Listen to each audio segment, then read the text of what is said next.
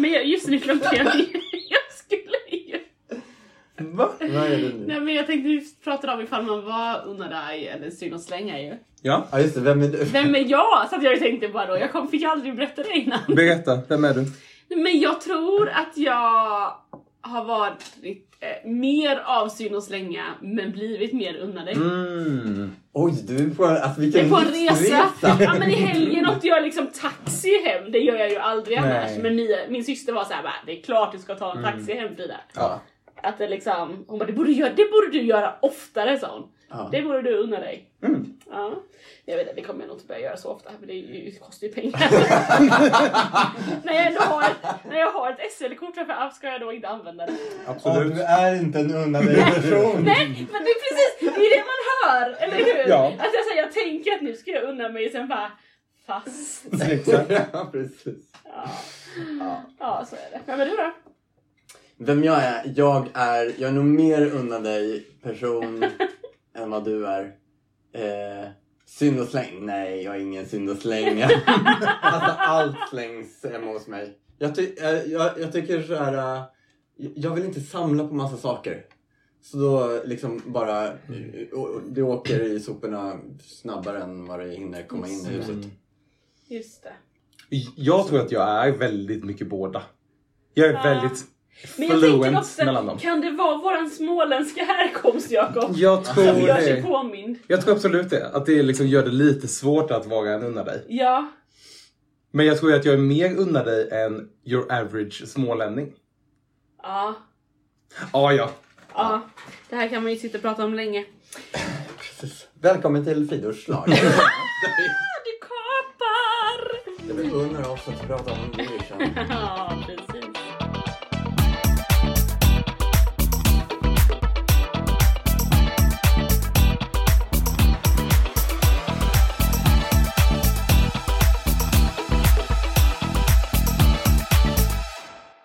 Det är jag som är Frida. Det är jag som är Johannes. och det är jag som är Jakob. Och det här är del 5 och den sista delen i våra inför Eurovision-poddar. Vi har de sista sju bidragen att tala om och sen så har vi ett resultat. Ja. Eller? Jättespännande. Alltså det här försnacket. Det är lika bra att bara gå rakt på, på, eller hur? Jag kör igång. Vi kör igång. Och jag börjar. Jag upptäckte att jag har börjat flera gånger. Ja men när jag satte det här lilla schemat då blev det så att du börjar och jag börjar varannat avsnitt. Det är så, Så det har blivit att. Johannes inte har fått börja en enda gång. Hur känns det? Jag känner mig eh, naken, rädd, exposed. Det är också en gammal, gammal referens. Väldigt gammal. Men ändå aktuell. Högst aktuell. Precis. Den, ja. Nej men eh, det går jättebra att jag inte börjar. Faktiskt. Vad skönt, för annars hade det blivit helt fel i planeringen. Vi hade fått skicka vidare manusen Ja, nej. liksom. Ah, Vi åh, får göra jag... om alla avsnitten känner jag. Det blev inte rätt. Nej. Men det hade ändå varit spännande om jag hade läst Jakobs manus, Johannes, mina och uh, nu Oj, nej, men Oj. gud, det får bli en sån här metapodd. Ja. Ja, ja, så är det.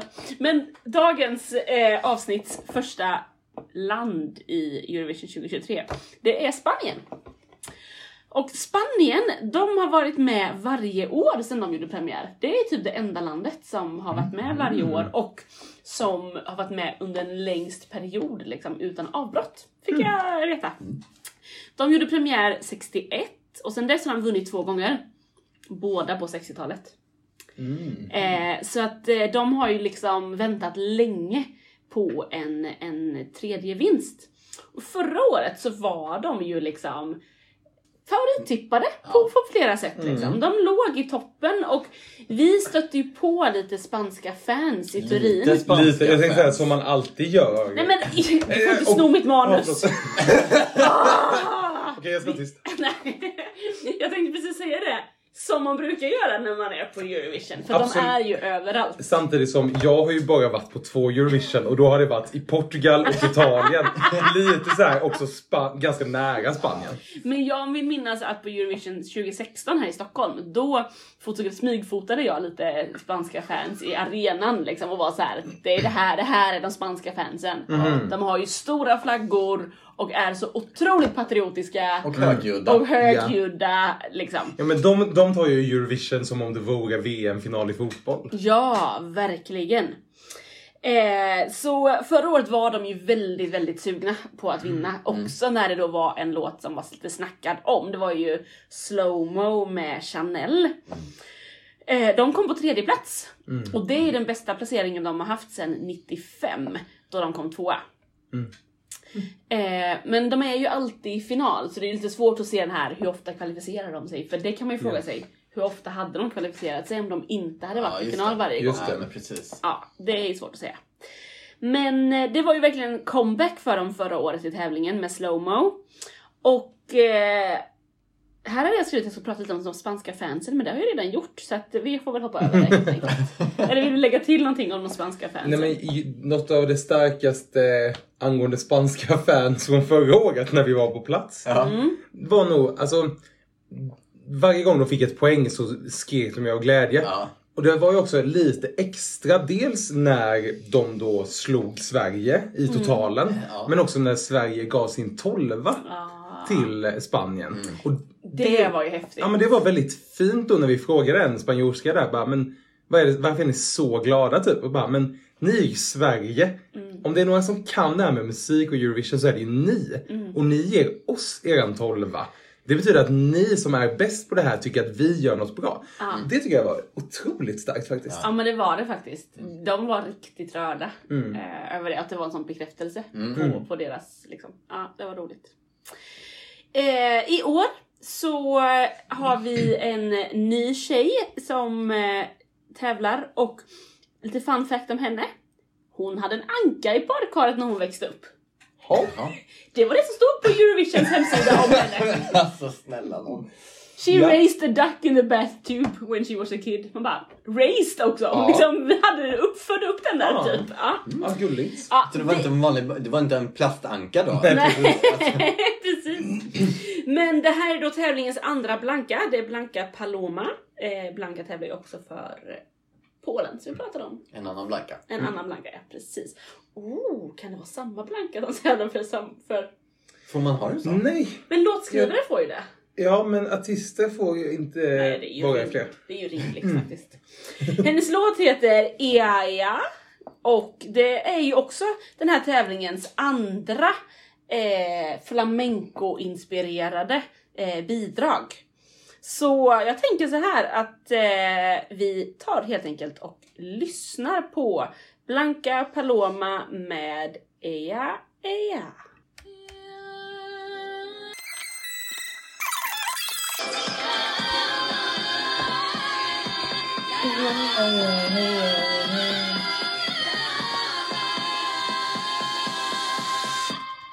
Där är det kastanjetter i alla fall. Ja, Eller just det. Ja. hur? Det är verkligen inte likt vad Spanien skickade förra året. Nej. Nej. Nej. Men det är ganska likt vad som kom tvåa förra året i Spanien.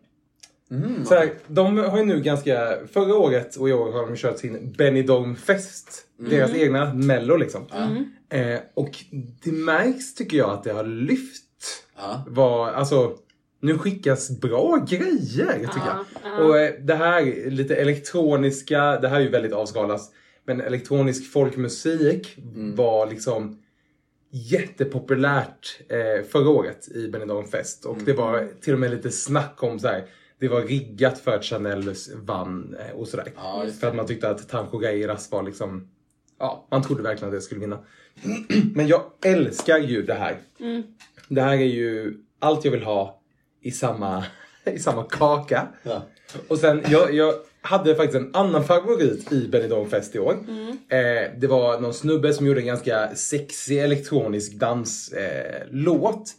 eh, och jag var såhär bara, åh det där kommer vinna, toppen, jättebra. Och så, så tittade jag sen på finalen, för det var semifinaler i år i Benidorm.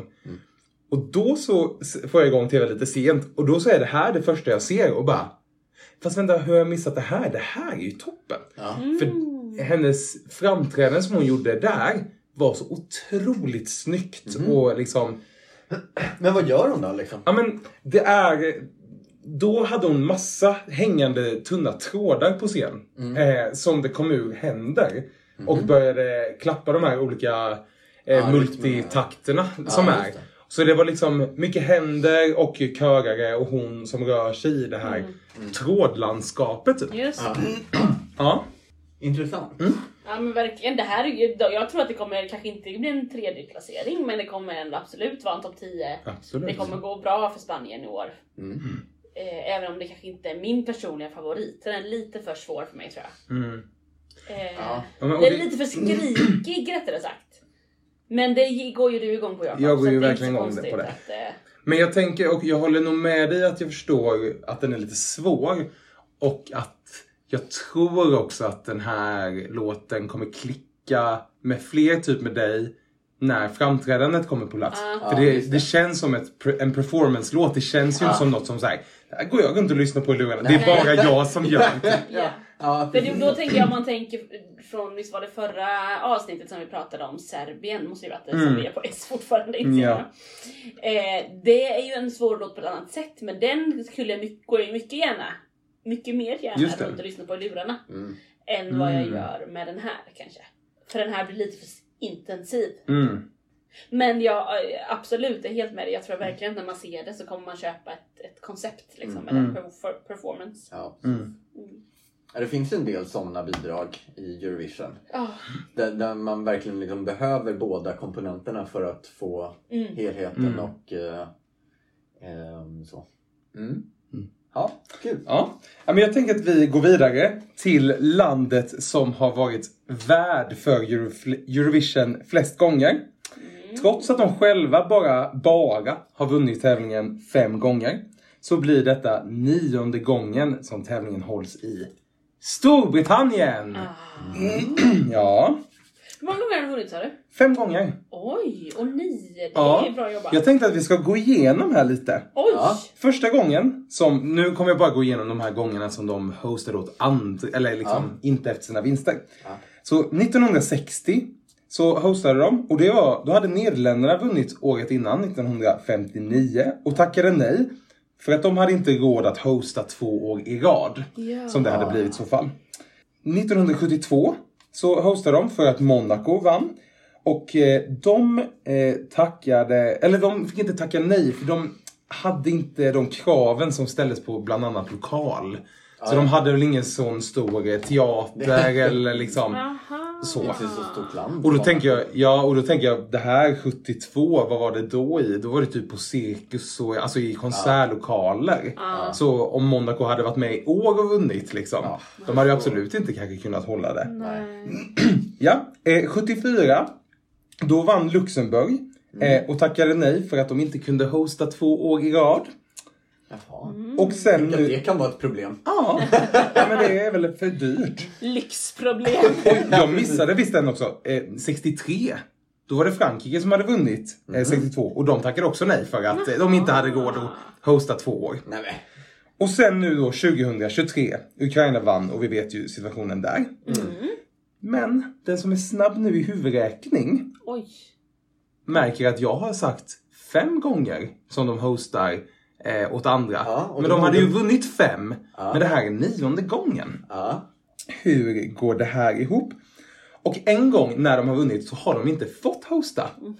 Och när de det- själv har vunnit. Ja, och det var året 1969. Det klassiska året då fyra länder vann. Ja. Eh, och Storbritannien var då ett av dem. Eh, men det året så hölls det då istället i Nederländerna. Eh, senaste gången Storbritannien själva vann, det var 1997. Och förutom att Storbritannien vann så hände något annat 97. Vet ni vad det var? Då föddes årets artist! Oj! Allt hänger samman. Allting. Eh, det här är då artisten May Müller och hon kommer att tävla med låten I wrote a song. Eh, May är uppvuxen i en judisk familj och hennes farfar är förintelseöverlevare. Eh, när hon var 10 år så var hon med i en musikvideo. Den här musikvideon är ganska känd. Jag tror att ni båda har sett den. Det är musikvideon eh, för Mikas låt Grace Kelly. I wanna be like Grace Kelly. Jag vet Mm. mycket väl vilken låten? låt den Ja. är, men musikvideon kan jag inte se fram Nej, jag tänkte att det här var liksom MTVs storhetstid när man satt Men och... MTV och hade man inte hemma hos mig. Voxpop, Ja, det fick man kolla på. ja, MTV var långt, det är liksom en annan värld. Nej, men jag tänker generellt musikvideo-eran. Ja. Hon är i alla fall med där som tioåring och sitter på Mikas piano i en grön klänning och sjunger hans låt. typ. Jaha. Ja. Så hon har varit artist Oh. länge, länge. Och i år så tillhör hon den här lilla, lilla gruppen av artister som har använt sig av vägen ol- som inte har använt sig av vägen olika musik och artisttävlingar i TV för sin karriär. Eh, istället så började hon jobba på en bar och i en klädesaffär. När hon jobbade där då så skrev hon lite musik och så började hon så här fråga vänner som hon visste producerade vin. Bara, kan ni producera det här jag har skrivit? Ni får en flaska vin typ. Eh, och så fixade hon det och sen la hon upp dem på Soundcloud. Eh, hon började lägga upp lite video när hon sjöng på Instagram, eh, de här låtarna. Och där blev hon upptäckt. Och Hon har, hennes stora genombrott fick hon med en låt som heter Better Days som hon har släppt med det svenska kollektivet Naked. Jag har inte så bra koll på vad det var för låt. Eh, så något slags genombrott, jag vet inte om det är det stora genombrottet. Det kanske blir nu i Eurovision. Just så jag tycker vi tar och lyssnar på I wrote a song med May Miller.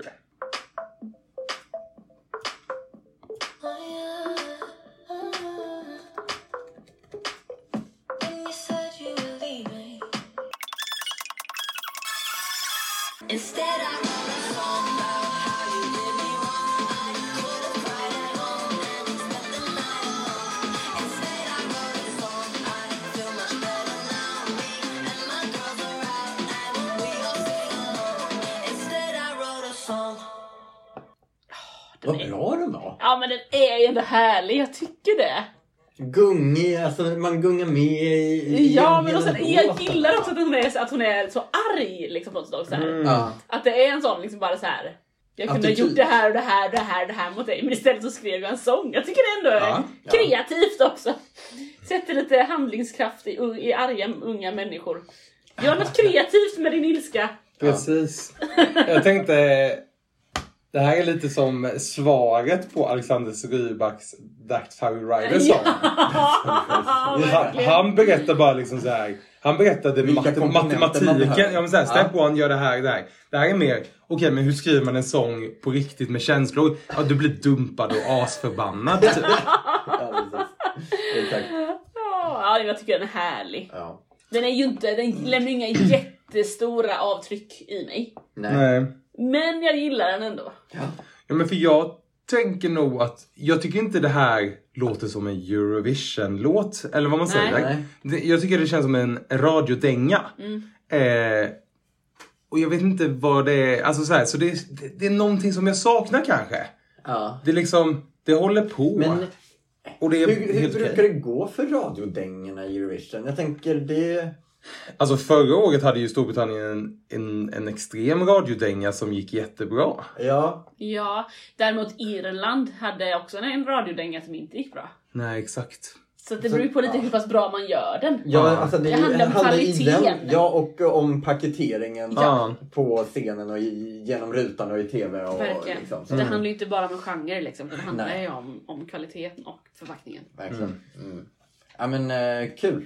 Det blir kul att se på scen, Ja, ja. liksom vad det blir. Det blir nog Och på hemmaplan blir det ju. Exakt. Alltså Exakt. det kan ju eh, koka i den där Ja men alltså de brittiska fansen är ju också fans i en annan... De är också fans. De är också De är fans. också fans, ja, men är precis. också hängivna fans. Brö, Fast bröliga. kanske med, bröliga ja. Jag hörde någon som sa att de brittiska fansen är mest bara där för att, för att supa. Liksom, eller för att festa. Ja, ja, just det. De ser en anledning till fest och då vill de dyka upp mer Ja. än vad de är intresserade av musiken. Just det. Kan ju ligga någonting i det, men jag tänker att det ändå skapar en känsla i arenan. säkert. absolut. Absolut. Ja.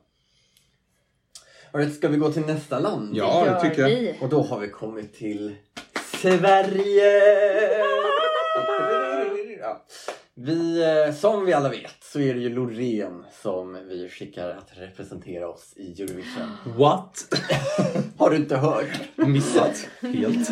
Ja, nej men och eh, eh, då är det ju, alltså, så, och som vanligt så brukar det ju vara så att journalister, eh, alltså nu var det ju även innan hon vann, så började journalisterna spekulera. Oh, hennes nummer kommer inte kunna vara likadant i Eurovision som det var i Melodifestivalen. Och, och det har snackats ganska mycket om den här hängande skärmen, eller skärmarna som hon har hängande över sig. Och, att, eh, och jag minns även förra året så var det diskussioner kring Cornelia, Cornelia Jacobs runda skärm. Som, åh, hur ska den kunna fraktas ner till Italien? Och eh, den kommer inte kunna snurra på samma sätt och den kommer vara mindre. Och liksom, hur ska det här bli Eurovision? Liksom? Ja, För den var byggd i ett stycke har jag fått höra. Ja, Vilket är också helt sjukt. Ja. ja, men liksom. Och den här typen av diskussioner är ju alltså, jätteofta i Sverige tycker jag. Där liksom Ja. vi diskuterar, hur ska det här numret Vi är ju så avancerade i Sverige, så vi tror inte att någon annan kan göra så bra som vi gör. Ja men verkligen Eller? liksom. Eh, och i år har ju då diskussionen varit mycket runt den här 1,8 ton tunga skärmen Det som är hänger ovanför Loreen. Ändå lite modigt att lägga sig där. Ja, absolut. Eh, och man diskuterar, kommer då taket i den här arenan kunna hålla upp den här? Ja. Och då har jag ju försökt gå till botten med det här. Mm. Kommer taket i arenan i Liverpool hålla Loreens 1,8 ton tunga skärm? Har du skrivit det i chattbotten? Jag frågade min chattbot, fick inget bra svar. Jag googlade lite på den här arenan eh, och försökte få lite så här, eh, info. Väldigt svårt, men eh, när Eurovision hölls i Stockholm 2016 i Globen då hängde sammanlagt 109 ton utrustning i taket. Eh, och scenen, bara den vägde 65 ton. Till råga på allt så skulle man även in med 172 lastbilar med utrustning in i arenan. Och sammantaget allt det här gjorde att hela Globen sj- sjönk ner 3,5 centimeter ner i marken. Då låter också det lite som att det var lite för tungt. ja, men alltså ja. Eh, så, Wow. så att jag tänker att och Eurovision har ju bara, bara vuxit och vuxit. Eh, liksom, så att, Ja. eh, jag har faktiskt ingen, lyckats, har inte lyckats hitta någonting om hur mycket den här arenan klarar av. Annat än att det eh, är 11 000 sittplatser som man kan konfigurera på olika sätt. Men hur mycket vikt den klarar av eh, vet inte. Nej.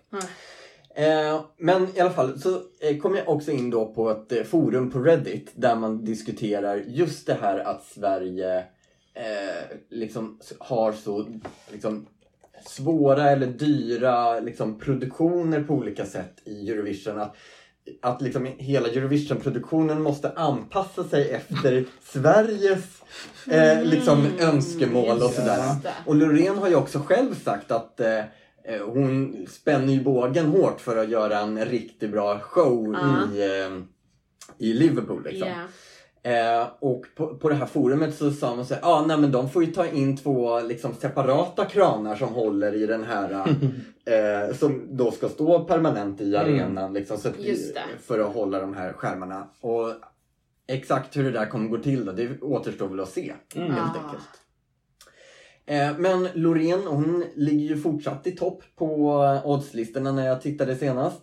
Eh, Och det finns ju rätt stora chanser ändå att vi faktiskt vinner Ah. hela Eurovision i år. Så det är ju det är så tråkigt att vi inte är på plats. Men Det är det. som sagt, ska vi lyssna lite på Loreen va? Loran.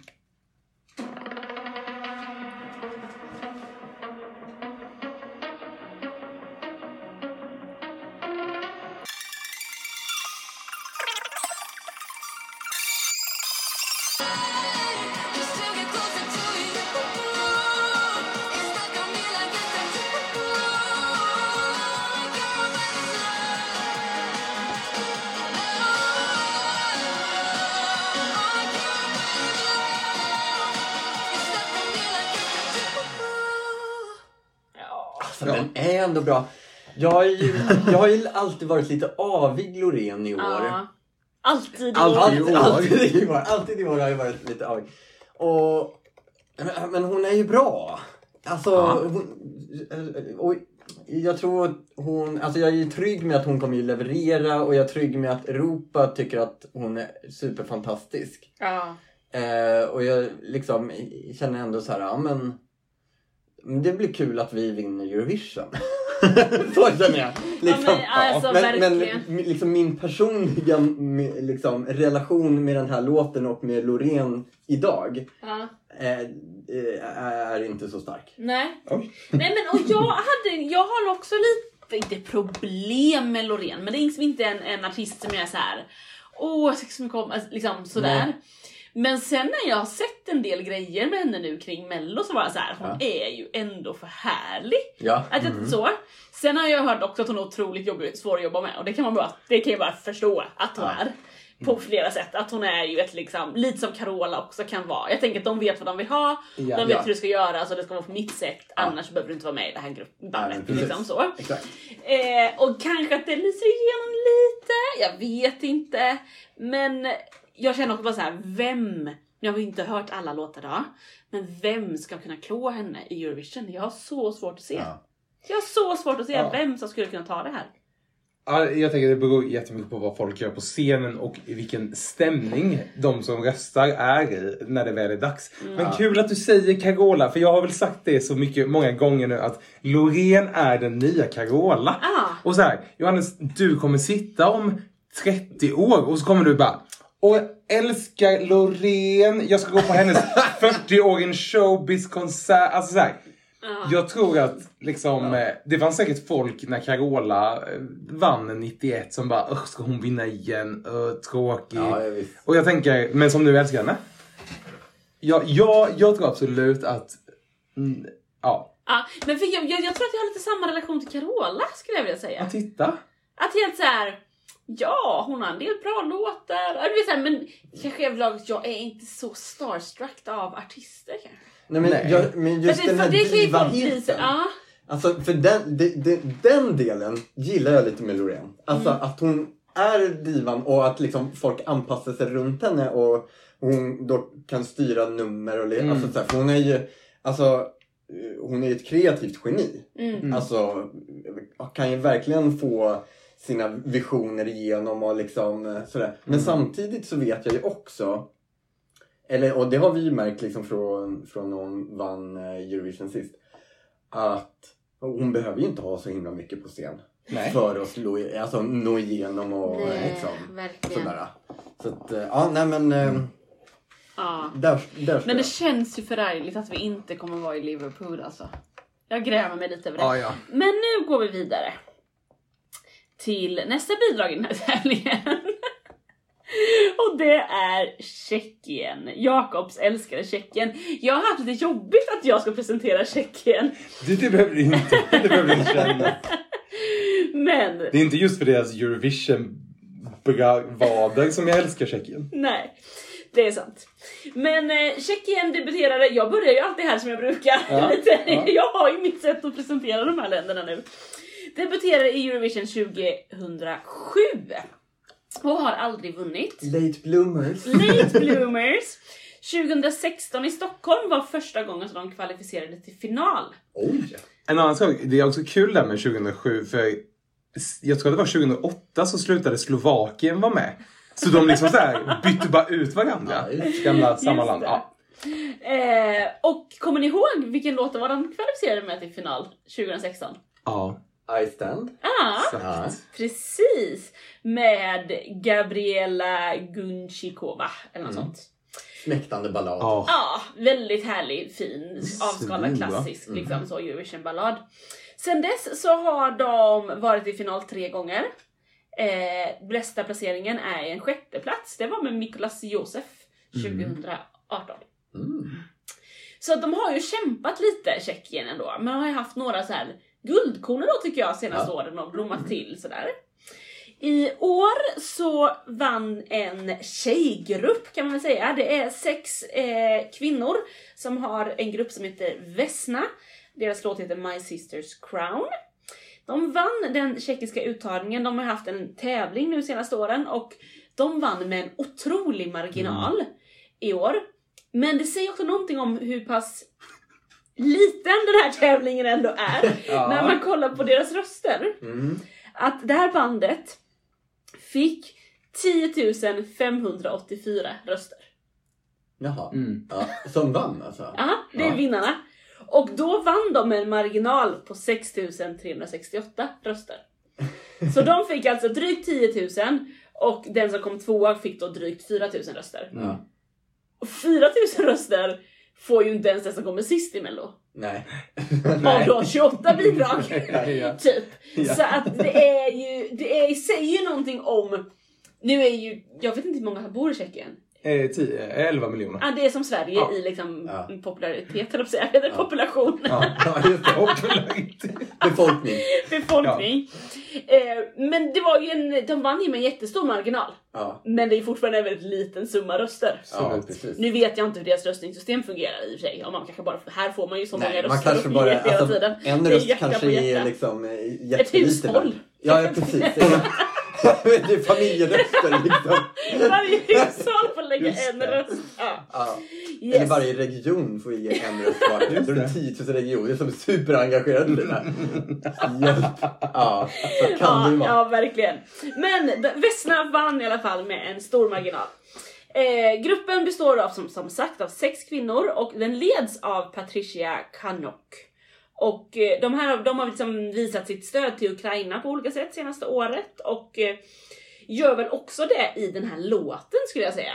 Den handlar om systerskap och de sjunger på hela fyra olika språk. Oh. Jag tänker att det också säger någonting om vem de riktar sig till i den här låten. De sjunger på engelska, sen är det tjeckiska, ukrainska och bulgariska. Mm. Eh, och eh, ja, den riktar sig helt enkelt till eh, alla kvinnor att eh, inte lägga sig ner utan att stå upp för.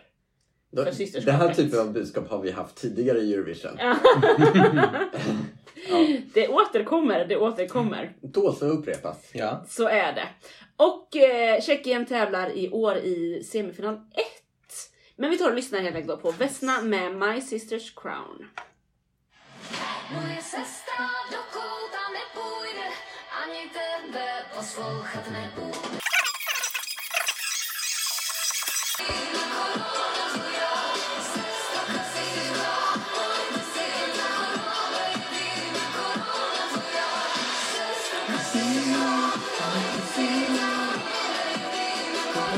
Mycket olika ljud i den här också. Ja, verkligen.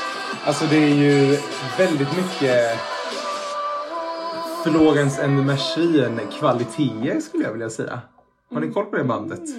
Florence Welch. Jag har inte lyssnat så mycket på... Ja, men det är mycket harpan som gör att, eh, Mm. eh, att man förs dit. Mm, just det. Men det här är, jag tycker det här är jättebra. Jag tycker den är otroligt Ja. härlig. Ja, men jag gillar den här också. Ja. Men jag kan inte riktigt sätta fingret på för att, uh, vad det är jag gillar i det. Men det, är liksom, det finns ett gung, Ja. ett driv. Ja. Eh, och så finns det också lite olika... Alltså den går ner, den går upp, den Mm. blir fyllig, Dynamisk. den blir tunn. Ja, dynamisk Mm. liksom. Ja. Ja, men det är också härligt, eller så här, jag tycker att den känns typ fyllig. Ja. Det är liksom, eh, det är mycket som händer, både instrument, musik, eh, att det är så här, både instrument, elektronisk musik, eh, att de sjunger, de är ju liksom sex stycken sångare. Så att det är ju många som kan, de kan ju sjunga olika saker och Ja. lite så här lägger på varandra. Ja. Det blir, det. Ja. det blir liksom lager på lager. Ja men verkligen lager på lager, men det är fortfarande... För det är det jag tänker, om man jämför det kanske då med Spanien eller någonting som också är lite så här. Mm. Att det här det är fortfarande tydligt driv, melodi, man, Ja. man kan sjunga med Mm. lite, man vet lite vad som kommer hända. Mm. Fast det är de här roliga ljuden i- Ja. och liksom lagren Ja, i det hela. Mm. Ja. Eh, Medan det fick man inte i Spaniens bidrag som var lite mer eh, lös i kanterna eller vad man ska säga. precis. Men det ska också bli väldigt spännande att se det här på scen. Liksom, Mm. Vad de gör. Jag tänker att de är då sex stycken sångerskor. Ja. När man ser deras pressbilder och så, här, så är de ju väldigt liksom, också så här, sminkade och klädda i lite mer alltså, så här, slaviska Nästan, kläder. ja. Eller liksom, verkligen folk. Och nästan lite clownigt. Ja, exakt, det är liksom nästan så. drag. Ja nästan till drag. Ja men precis. Det är åh, tänk vad kul om de verkligen gör en liksom all in. Verkligen. Ja. Nej men för deras, deras nationella var ju typ inspelade i en gympahall i år. Alltså det var ju ett fruktansvärt nummer. Men deras musikvideo till den här låten är svinen nice. Just Alltså det. finns en estetik där som jag hoppas de kan ha med på scen. Ja. Eh, men ja, jag älskar ju också det här. Sen har inte den här låten varit okontroversiell Nej. eh, i eh, liksom eh, Tjeckien och i de slaviska länderna. Eh, heller. Den är ju jätte, jätte antirysk på ett sätt. Ja. Eh, att den liksom handlar om att du ska inte...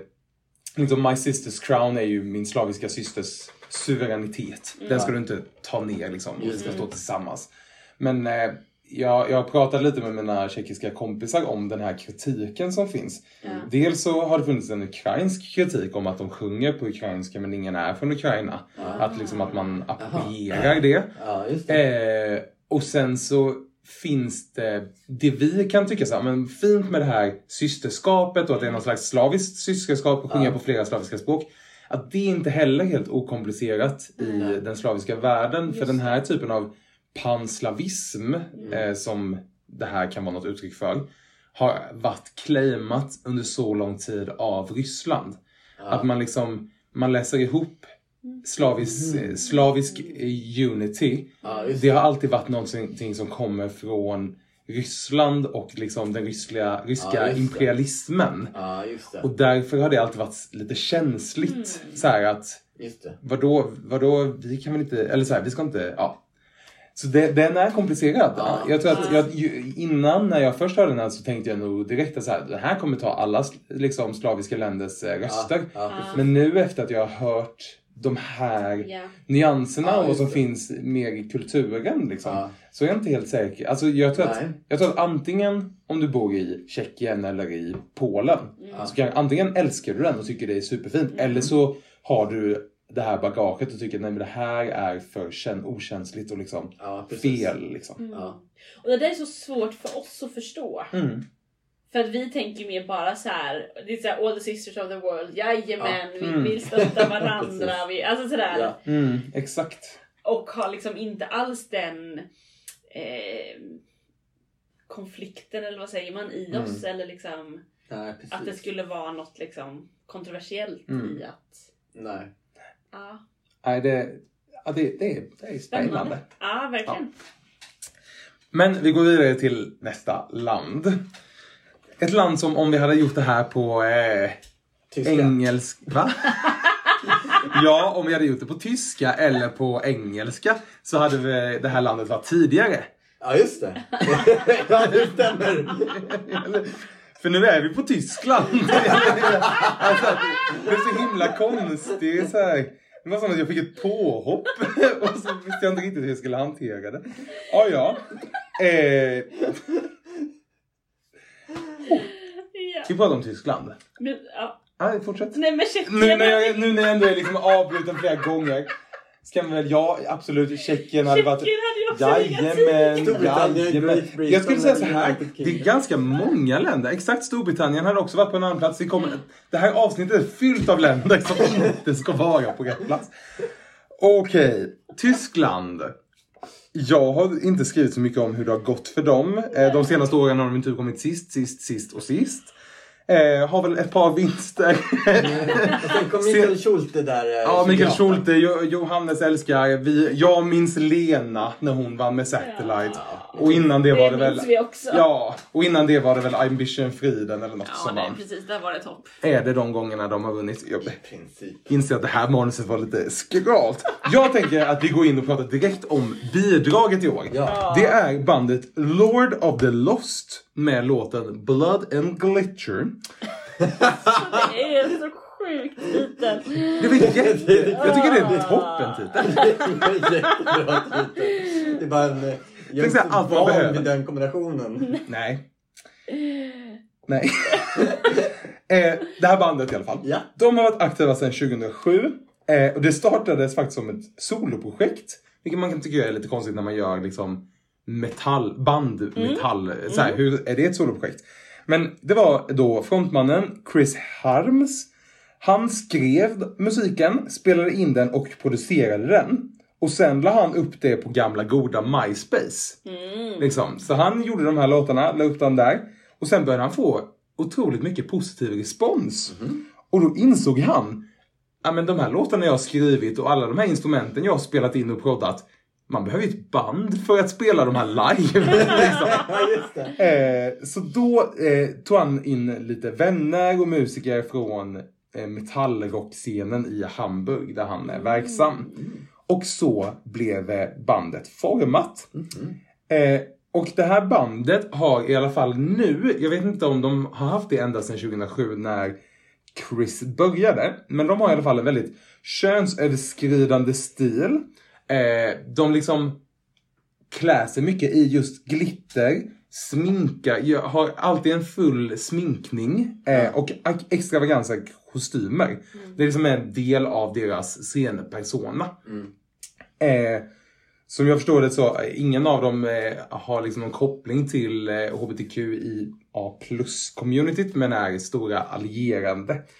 Eh, och ja, nej men det här bandet håller på då skitlänge. De har åtta studioalbum och fyra livealbum. Wow. De bara kör ju på liksom. Eh, årets Unsere Lied, det är ju liksom deras Melodifestivalen. Då heter det alltid Unsere Lied för, och i år då, Liverpool. Just det. Våran, våran låt för, eller våran sång för Liverpool. Det är vad det betyder för er som inte kan tyska. Eh, då hade de ett gäng artister och så hade de som många länder en jury och tv-tittare. Eh, juryvinnaren, den fick 90 poäng av juryn. Och det här bandet, de fick 43 poäng. Så ungefär hälften av det där. Ja. Och den här juryvinnaren var, om ni minns han, eh, vad hette han som hade eh, rött hår? Mikael Schult. Ja, var det Mikael Schulte? Han var ju rödhårig. Ja, exakt. I, när det var i Lissabon. ja, precis. Tänk er typ det, Ja. fast ännu mer eh, Ed Sheeran. För det var ju Ja, lite. Ed Sheeran. Ja, så nu tänker ni att det typ är Ed Sheeran, fast en tysk snubbe. Ja. Det var vad juryn gick igång på. Och jag satt där och tittade och kände blä, blä, blä. Det här är så tråkigt. Eh, det här får inte vinna. Eh, men då kommer ju då de härliga, härliga goda tv-poängen. Då fick juryvinnaren 21 poäng av tv-tittarna. Och eh, Lord of the Lost, de fick 146 poäng av tv-tittarna. De var liksom solklar publikfavorit. Wow. Och då tycker jag att vi tar och lyssnar på vad det tyska folket har skickat till Liverpool. Blood and glitter, sweet and bitter. We're so happy we could die.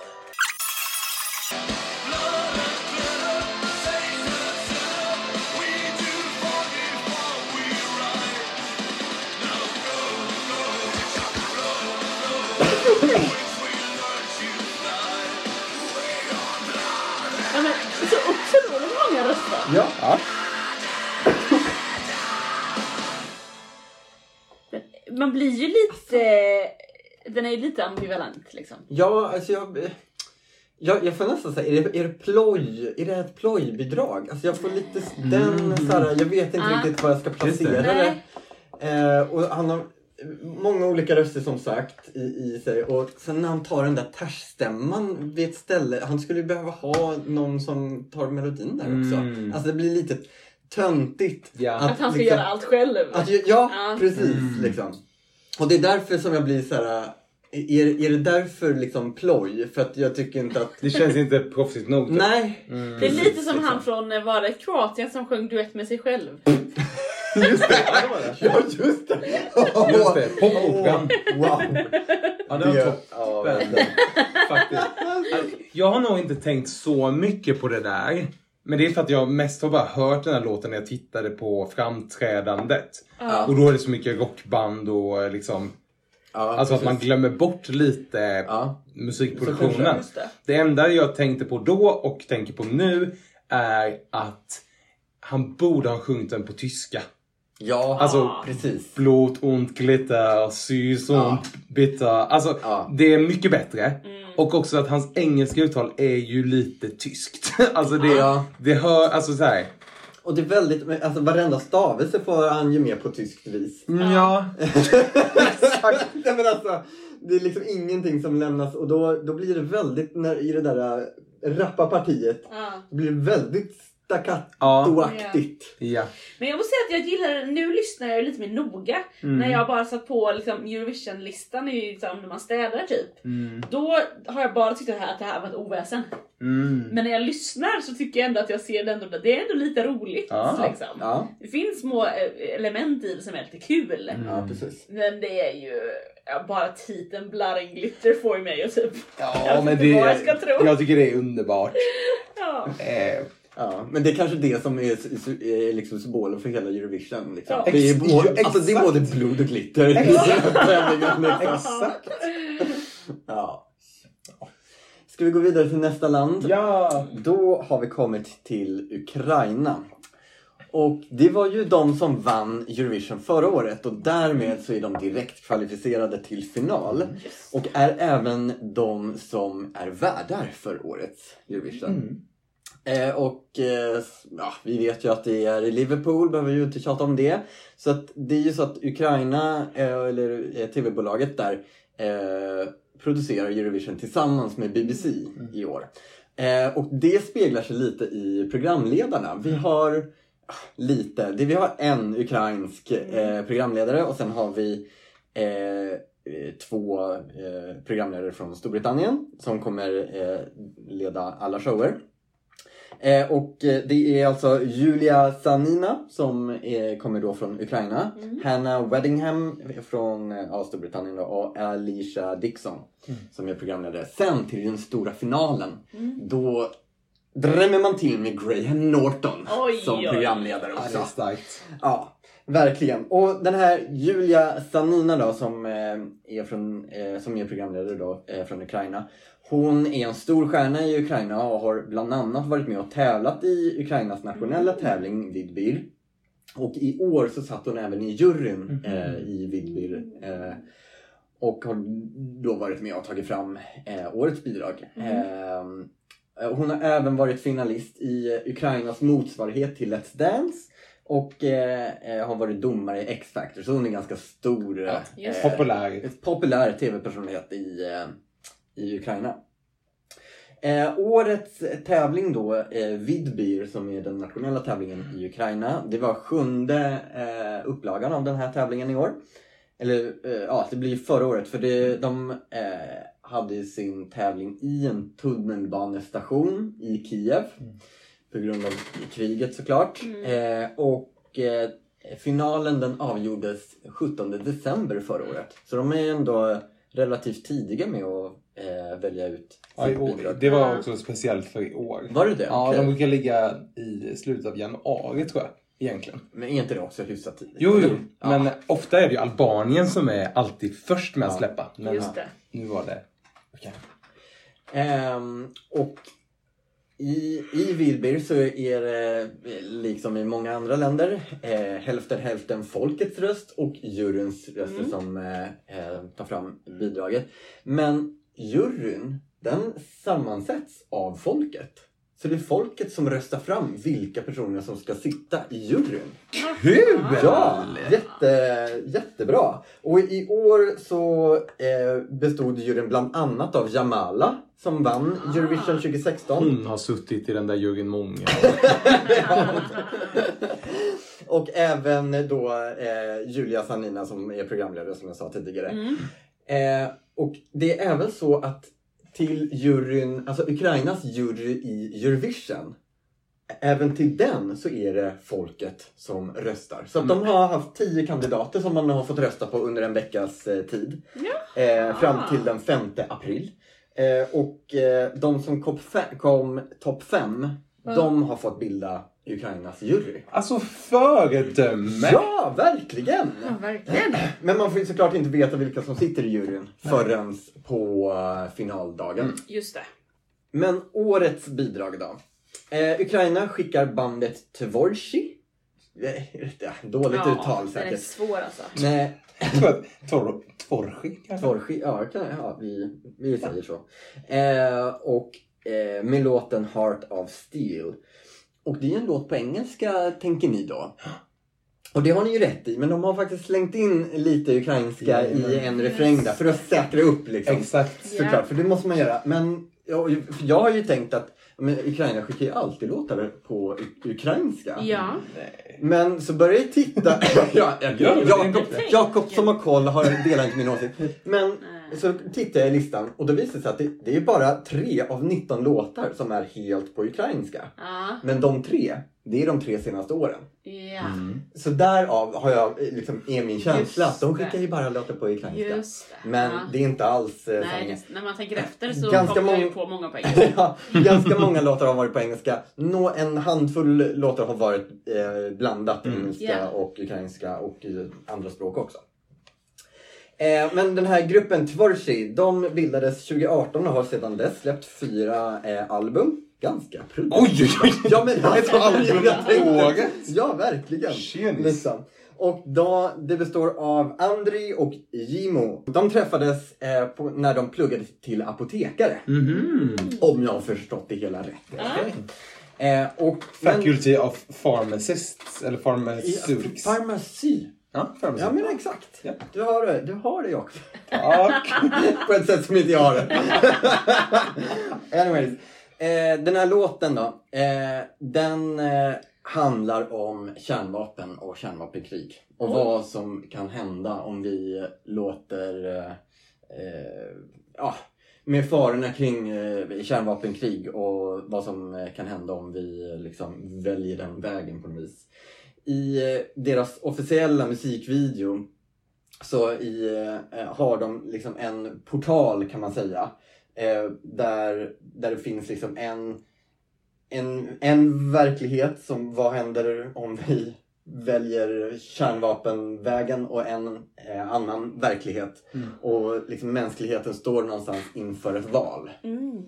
Eh, så det här är ju en eh, väldigt eh, ja, men, eh, tydligt budskap i den här låten och de har verkligen bakat in eh, den här situationen som Ukraina är i eh, fortsatt. Det är ju helt sinnessjukt att det håller på ännu.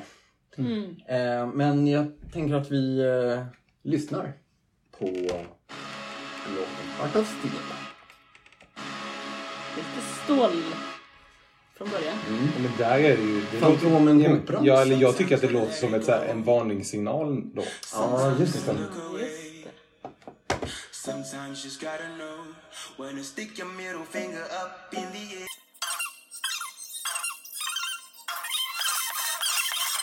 Heart of steel.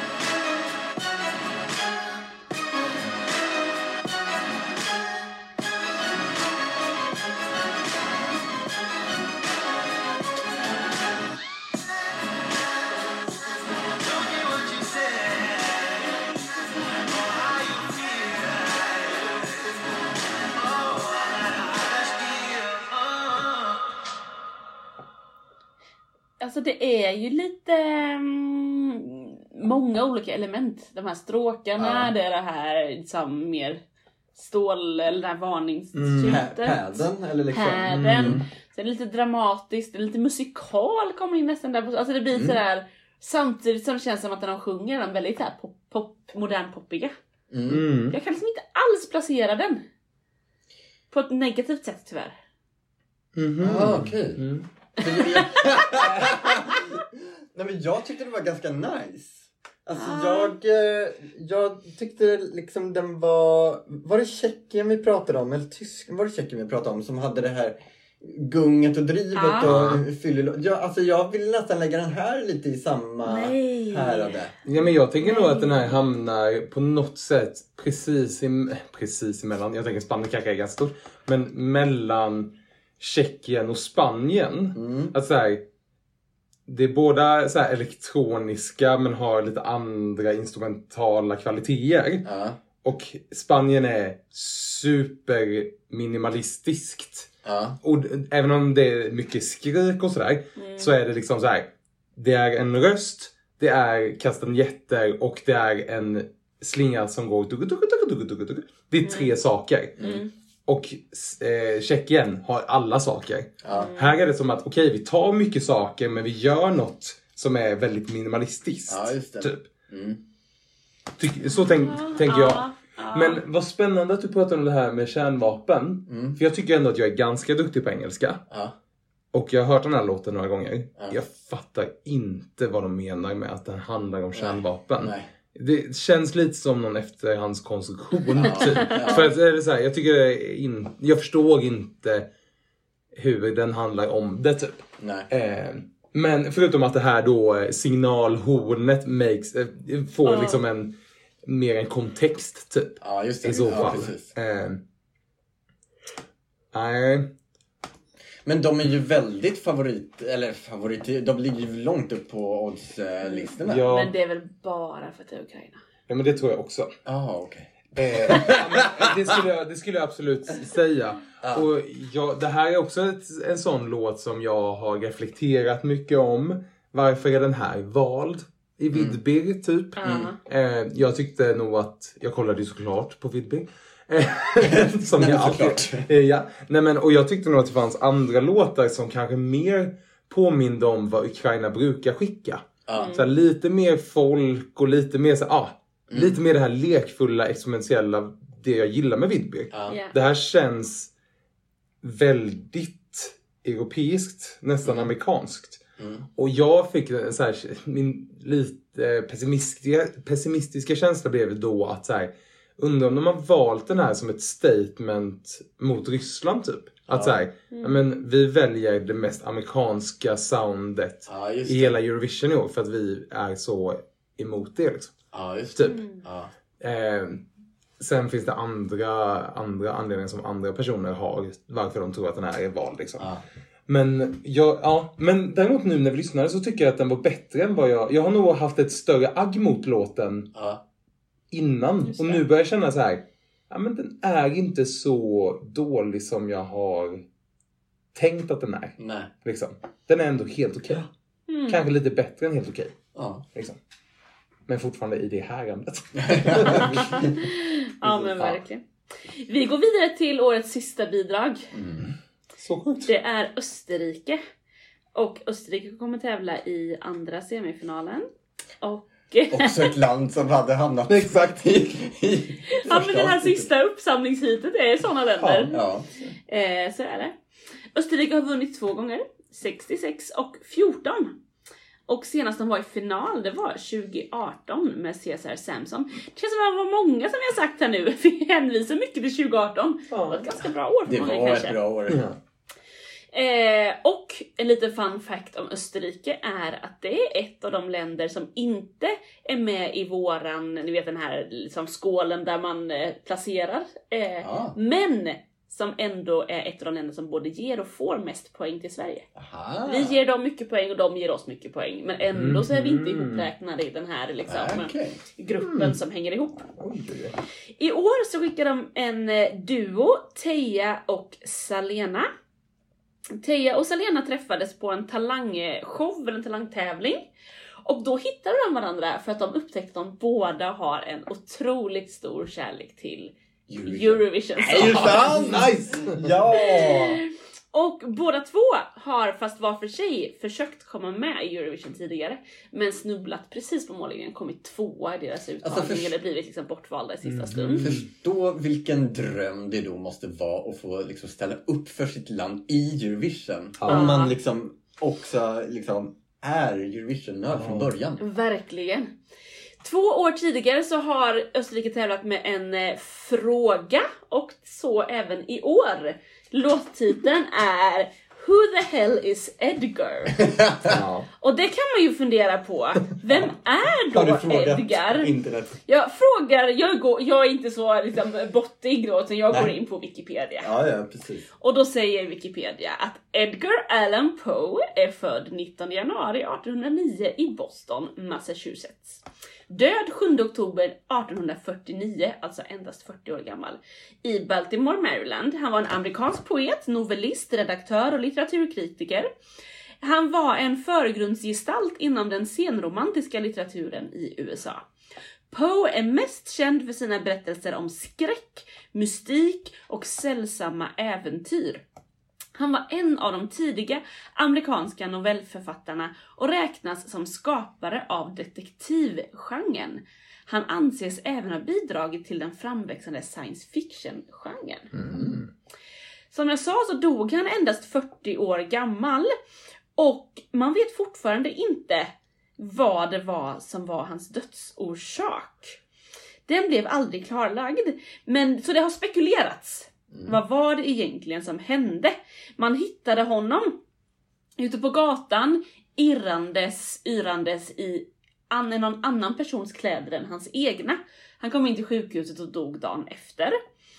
Eh, och då har man liksom spekulerat i, handlar det om alkohol, droger, kolera, rabies, självmord, tuberkulos eller en hjärtsjukdom? Det vet man inte. Men det är lite olika spekulationer helt enkelt. Men just de här an, någon annans kläder tycker jag var Ja, starkt. verkligen.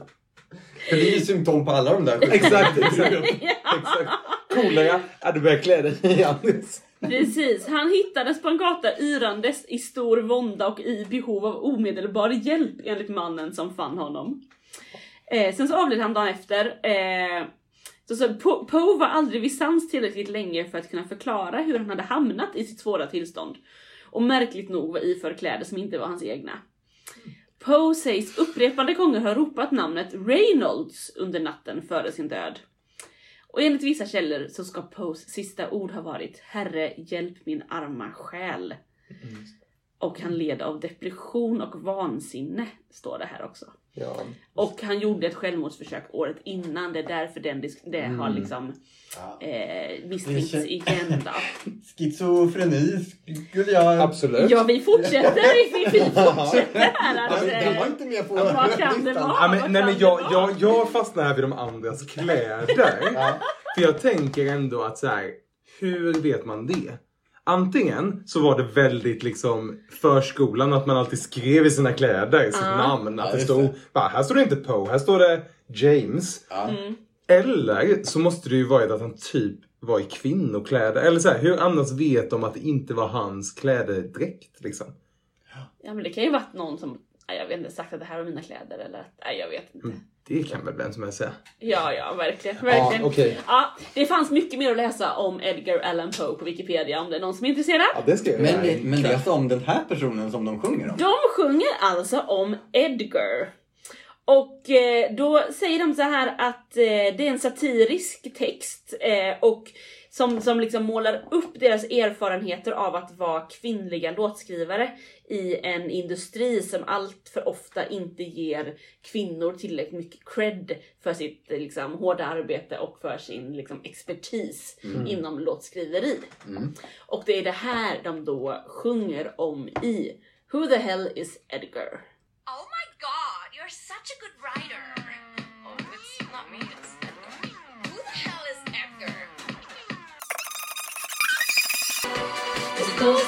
Edgar? Edgar?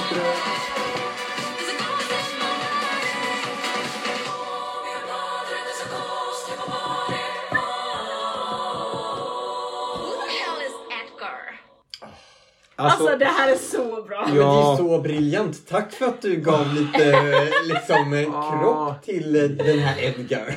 Alltså! Då förstår man ju också var den här låten kommer ur liksom, Ja. på ett bättre sätt. Ja men alltså, ja, jag sa det här också, vi har ju pratat om fans i det här avsnittet. Det är, finns ju alltid en del fans som klär ut sig. Mm. Ja. Tänk, åh det vore så roligt. Typ när liksom Marry Me var med med Krista Ja, Sigfridsson och då gick de ju i bröllopsklänningar och sådär. Det hade varit så fantastiskt om folk klädde ut sig till Edgar Allan Poe. Ja, det var ett svinkul. Och jag tror också att Edgar Allan Poe som då är någon slags poet hade varit nöjd för det här är årets bästa rim. Oh mia padre, there's a ghost in my body. Alltså det, alltså det är liksom typ Ah. en tatuering som jag skulle kunna tänka mig ha. Jag tycker den är toppen. Ja, nej, men jag tycker det här är så bra. Det här, alltså, vi slutar på topp känner jag. Ja, Ja, ja, ja. Och jag gillar också att det är så här. Ja, men det här är ju satir säger de ju. Och jag älskar när man gör ett skämt och gör det seriöst. Alltså, Ja. Folk, folk tror att an, antingen är det ploj eller så är det, antingen kan det bara vara ploj eller så kan det bara vara seriös musik. Nej, välj glädjen. Ja. Ha kul! Ja. Och i musikvideon så gör de också väldigt mycket såna här liksom, gemensamma TikTok-danser typ. Liksom moves som är sån sån här, där Just alla ställer sig upp och dansar Ja, samma dans. Det skapar... Sen har jag fått, hört lite kritik kring, de har varit med på några av de här pre-partisen som är nu i konserterna. Ja. Att då är det mer att de mest bara står där på scenen och sjunger. Ja, okej. Men det där är ju alltid en utmaning att, att liksom göra de där konserterna. Mm. Ja. För det är med ett backtrack och de står där, de har ingen scen, de Ja, har inga körer eller dansare Nej, de med sig. åker och... typ dit Ja, själv. Alltså de är Ja. inte där med sin Ja. delegation liksom. Nej. Eller utklädda själva till något märkligt. eh, Nej. Ja. Liksom, Edgar Allan Poe på scenen. Ja men alltså.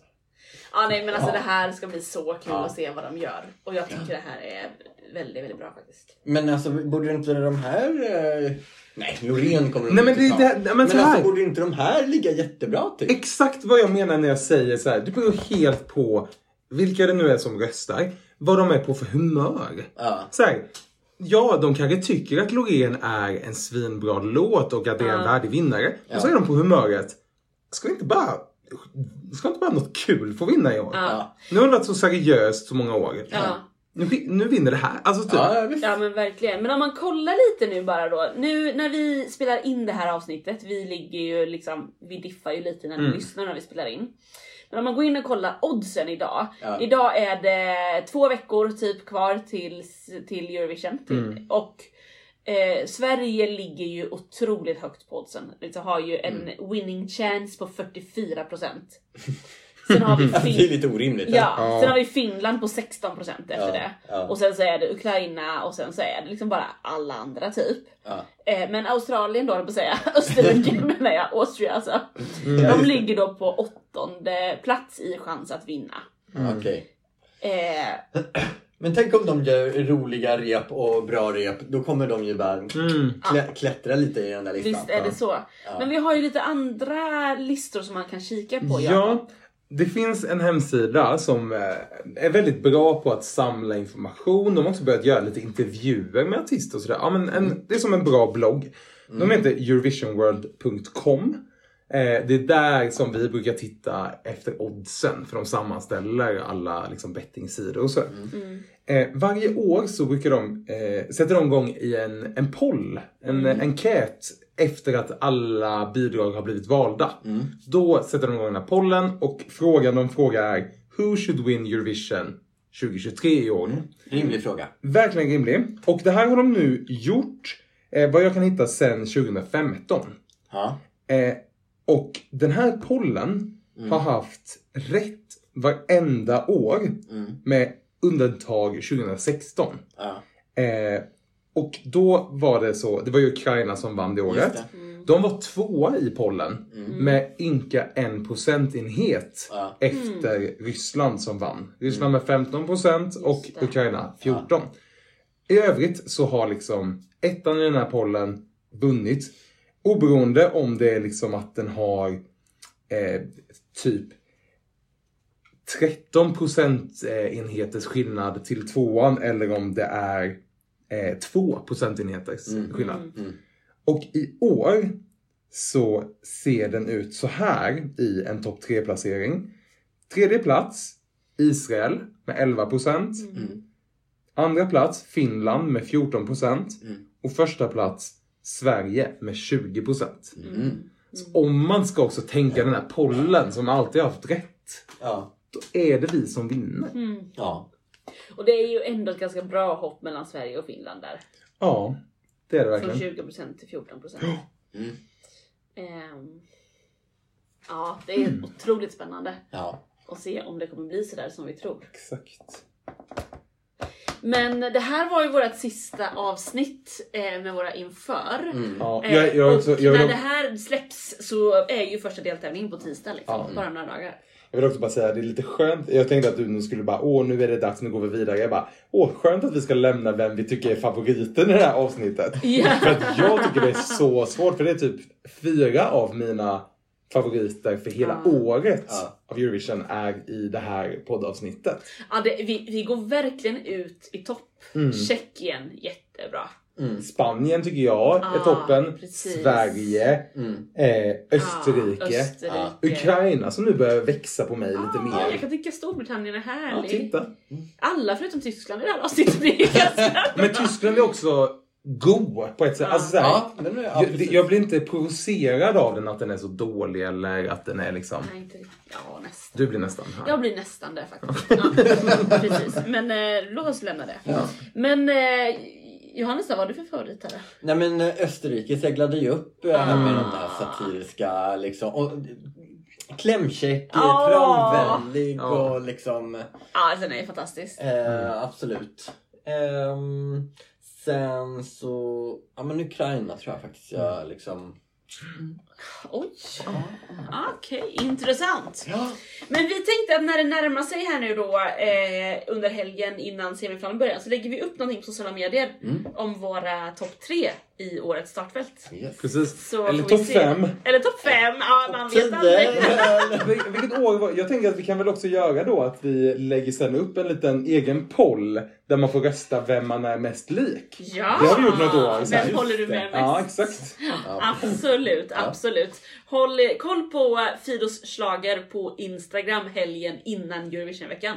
Då kommer Alltså det hända saker. helgen. När de Ja, har- nu till helgen. Ja, precis. Gå in på Instagram! Nu! Nu! Nu! Ja, precis. Eh, då... Inspirerad av Tysklands eh, många olika röster. Tack för att ni lyssnar. Tipsa vänner och familj om att lyssna på podden Arbetskamrater kan vi tipsa också, de är trogna. De är trogna.